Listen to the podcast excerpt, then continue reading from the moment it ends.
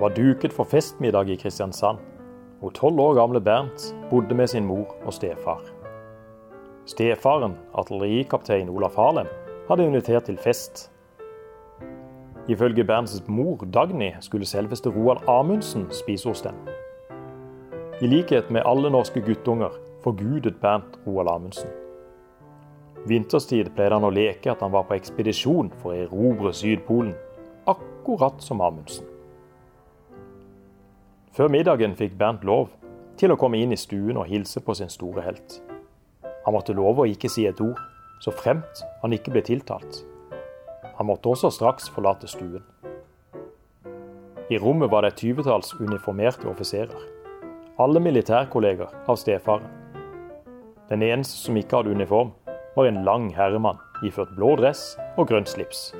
Det var Roald Amundsen. Bernt ble grepet av ærefrykt da han så polarhelten. Kroppen skalv. Moren fulgte Bernt pent bort og presenterte ham. Jaså, Bernt, hva skal du bli når du blir stor? spurte Amundsen. Uten å tenke ramlet ordene ut av Bernt. Jeg skal bli oppdagelsesreisende og dra på ekspedisjon med dem. Moren gispet, og forsiktig prøvde hun å dra Bernt ut av rommet. Fra den dag hadde Bernt fremtidsplanen klar. Han ville utforske ukjente steder i snø, is og kulde. Akkurat som Roald Amundsen. Hør historien om polarflyveren Bernt Balken i sjette episode av Polarpionerene. Polarhistorien sett fra Sørlandet.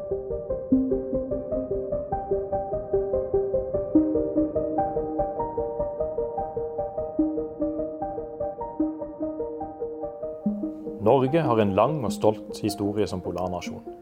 Historiene om Nansen, Amundsen og polarskuta Ram står som bautaer i norsk polarhistorie. Nasjonalheltene som kjempet og slet seg fremover i ukjent og islagt terreng.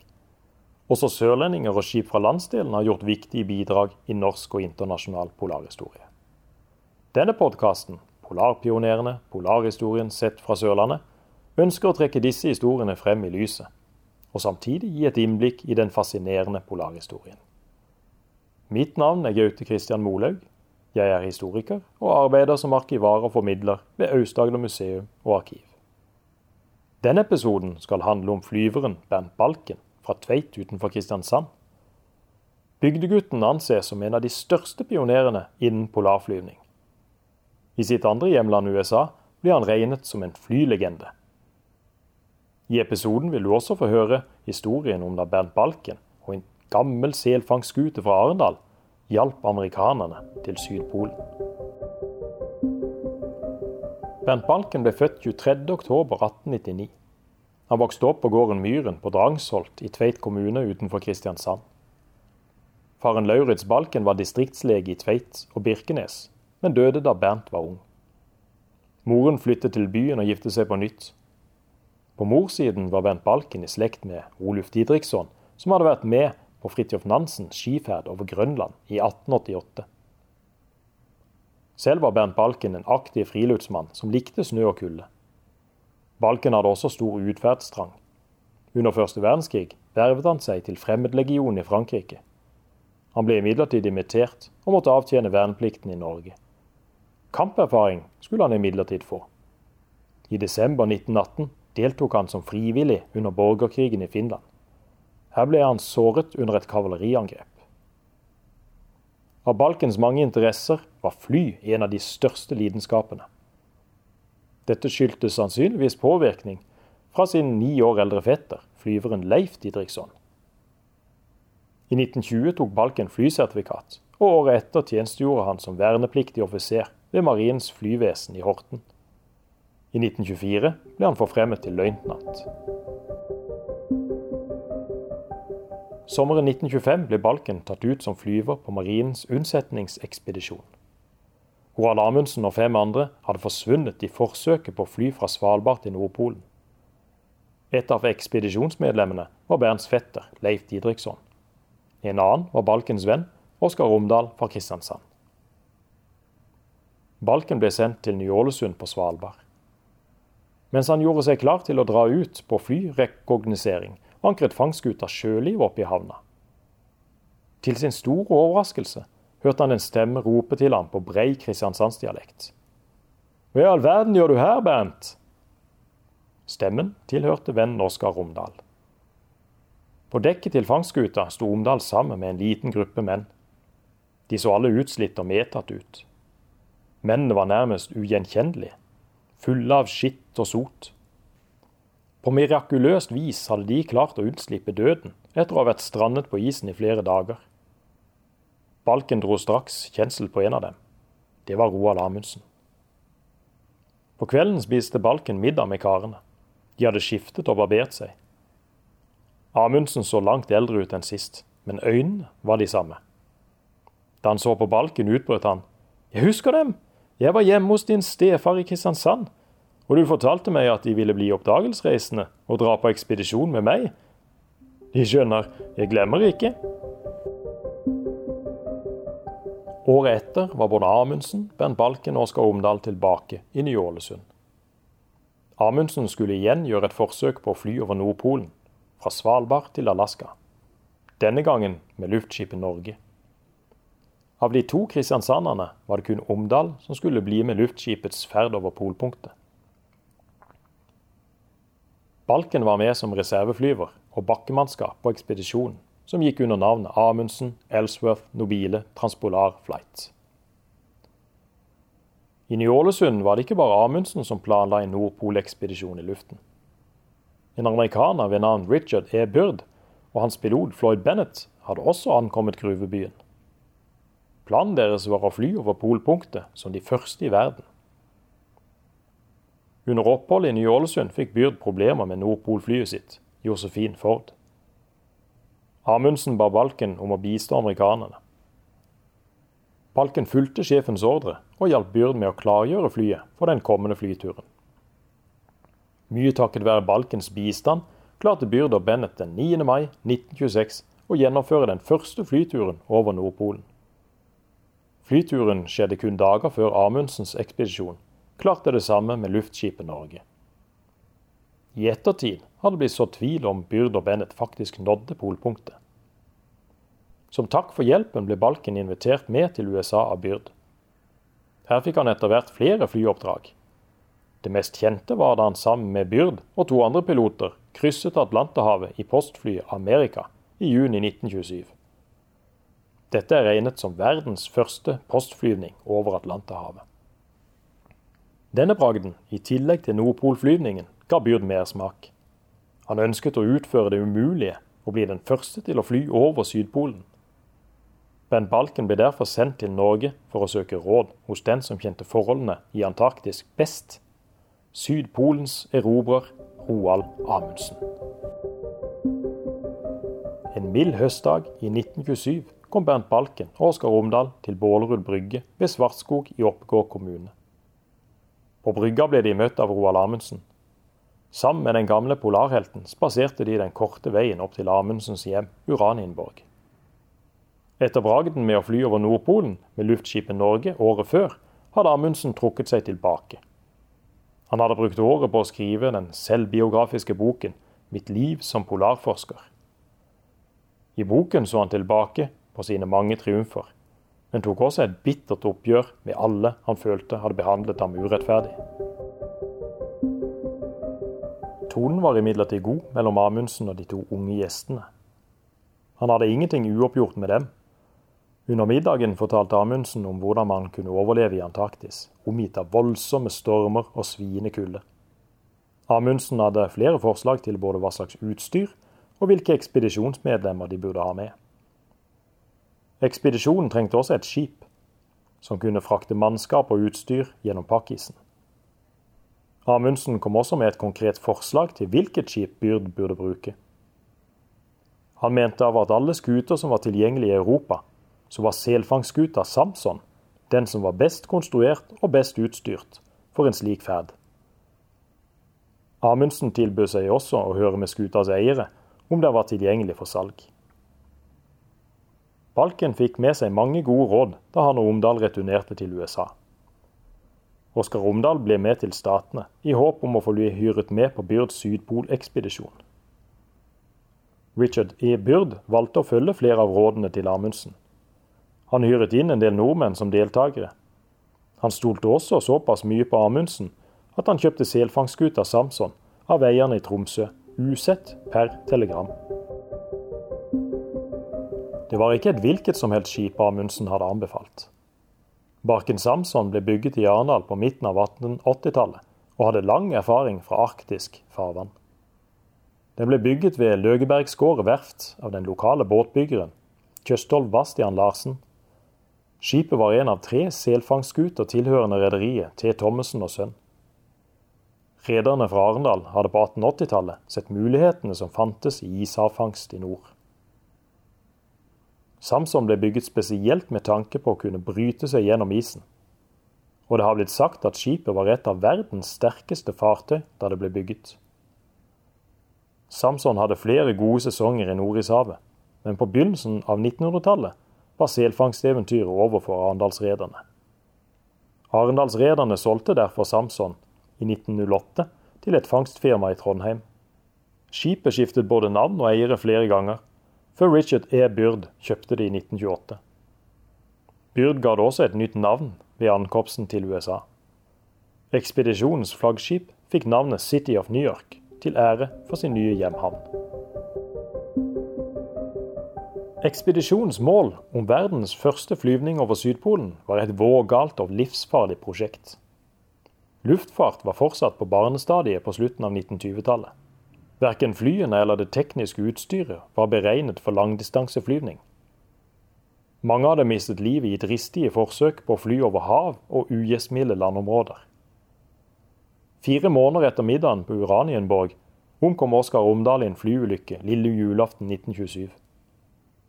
I påvente av å bli med på Byrds sydpolekspedisjon hadde han tatt på seg et lite ekstraoppdrag. Omdal hadde blitt hyret inn av en kvinnelig eiendomsinvestor fra USA for å fly over Atlanterhavet. I dårlig vær forsvant flyet de satt i, utenfor østkysten av Newfoundland i Canada. Roald Amundsen led samme skjebne et halvt år senere. I juni 1928 forsvant han og flyet hans Latham 47 i et forsøk på å redde den italienske polfaren Umberto Nobile, som hadde havarert i Arktis med luftskipet Italia.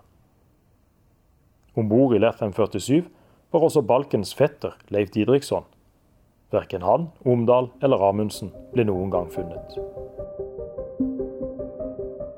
I slutten av august 1928 satte City of New York seil mot Antarktis. Skipet hadde blitt betydelig oppgradert før turen. Det hadde vist seg at det var i dårligere stand enn hva Byrd hadde forventet. Et annet skip, Eleanor Bowling, inngikk også i ekspedisjonen siden City of New York hadde begrenset med lagringsplass. I tillegg til mannskap, nødvendig utstyr, ferdig fabrikkerte hus og trekkhunder, skulle ekspedisjonen også ha med tre demonterte fly. Den gamle selfangeren fra Arendal brukte flere måneder på turen til Antarktis. Med god hjelp av et norsk hvalfangstskip som brøytet vei gjennom pakkisen, kom City of New York og Eleanor Bowling fram til Rossbarrieren i Hvalbukta i slutten av desember 1928. I januar 1929 ble ekspedisjonsbasen etablert. De to skipene forlot basen i februar og returnerte ikke før året etter. Byrds ekspedisjon var den første amerikanske ekspedisjonen til Antarktis siden 1840. Byrds plan var å følge Amundsens rute fram til polpunktet. Mens Amundsen i 1911 hadde brukt hundespann og ski for å nå målet, skulle nå Sydpolen erobres fra luften. Ekspedisjonens base, Little America, ble anlagt i nærheten av der Roald Amundsens hytte, Framheim, hadde stått i 1911. Amundsens gamle leir hadde imidlertid forsvunnet i havet sammen med breisen. Sammenlignet med Amundsens spartanske hytte fremsto Byrds base mer som en landsby. Little America besto av laboratorier, messe, administrasjonsbygg, hangarer og en gymnastikksal. Det ble også satt opp tre radiomaster som kunne sørge for kontakt med omverdenen. Byrds ekspedisjon var også betraktelig større enn Amundsens. Den amerikanske kolonien i Antarktis omfattet både vitenskapsmenn, håndverkere, flyvere og ingeniører, og også en journalist og et filmteam fra Paramount Pictures. Ekspedisjonens tre fly ble brukt til kartlegging og rekognosering. Flyet som skulle brukes til polpunktet, var et tremotors fly fra produsenten Ford. Flyet bar navnet Floyd Bennett, etter Byrds tidligere førstepilot. Bennett hadde sittet bak spakene under Nordpolflyvningen i 1926, men hadde blitt alvorlig skadet etter en flyulykke året etter. Da Bennett døde av skadene i 1928, rykket Balken frem som Byrds førstevalg. Det var nordmannen som skulle føre flyet over polpunktet. Etter måneder med forberedelser tok Floyd Bennett av fra basen i 15-tiden 28.11.1929. Om bord var Balken, Byrd og to andre. Under flyturen oppsto det dramatikk da et fjellpass på over 3000 meter måtte forseres. Balken slet med å få flyet opp i høyde.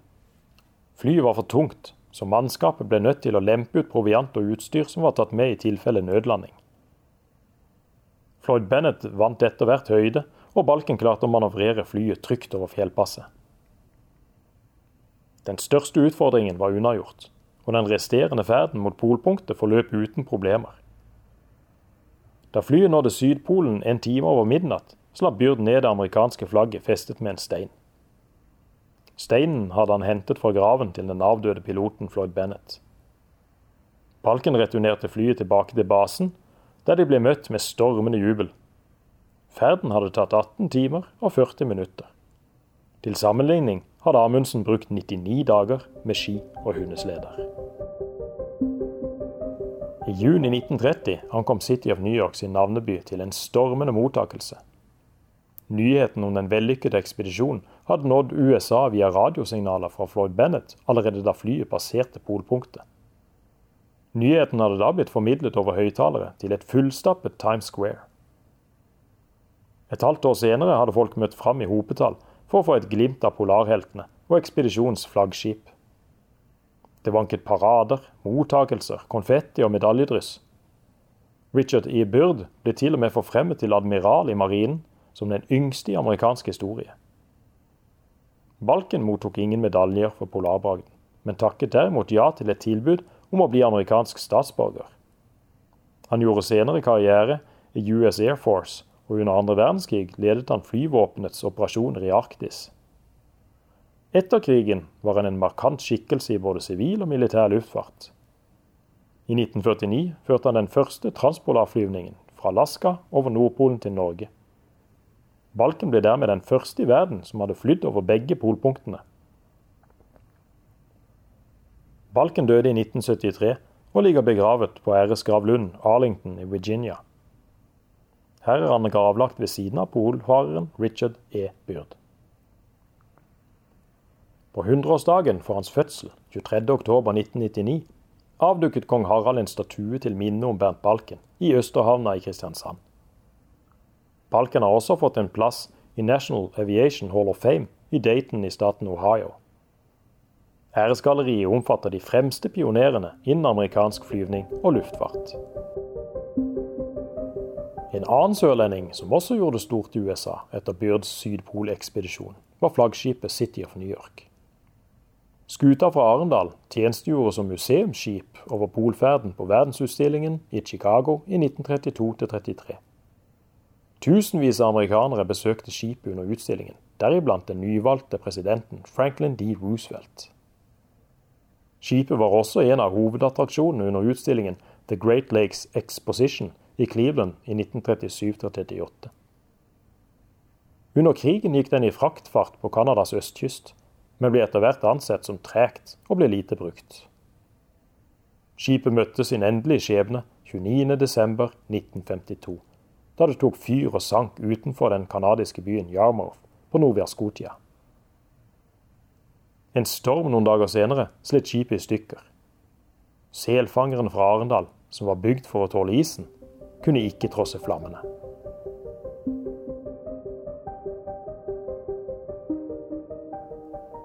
I neste episode av Polarpionerene, polarhistorien sett fra Sørlandet, skal du få bli med på tokt med fangstskuta Brattvåg til Kvitøya, Svalbards østligste øy. Da skal du få høre den unge zoologen Adolf Sørensen fra Arendal, som var med på å løse en av polarhistoriens største gåter, mysteriet knyttet til den savnede svenske André-ekspedisjonen. På gjenhør. Denne podkasten er produsert av Aust-Agder museum og arkiv. Manuset til denne episoden er skrevet av min kollega Yngve Skjulstad Christensen, og produsent er Christian Hauglund Isaksen. Hovedkildene som er brukt i denne episoden, er Bernt Balkens selvbiografi 'Kom noe med meg' fra 1958, Geir Hasles bok 'Isens menn under fremmed flagg' og Store norske leksikons artikkel om Bernt Balken. Likte du det du hørte, kan jeg også anbefale podkasten 'De hvite seil', historier fra Sørlandets siste seilskutetid.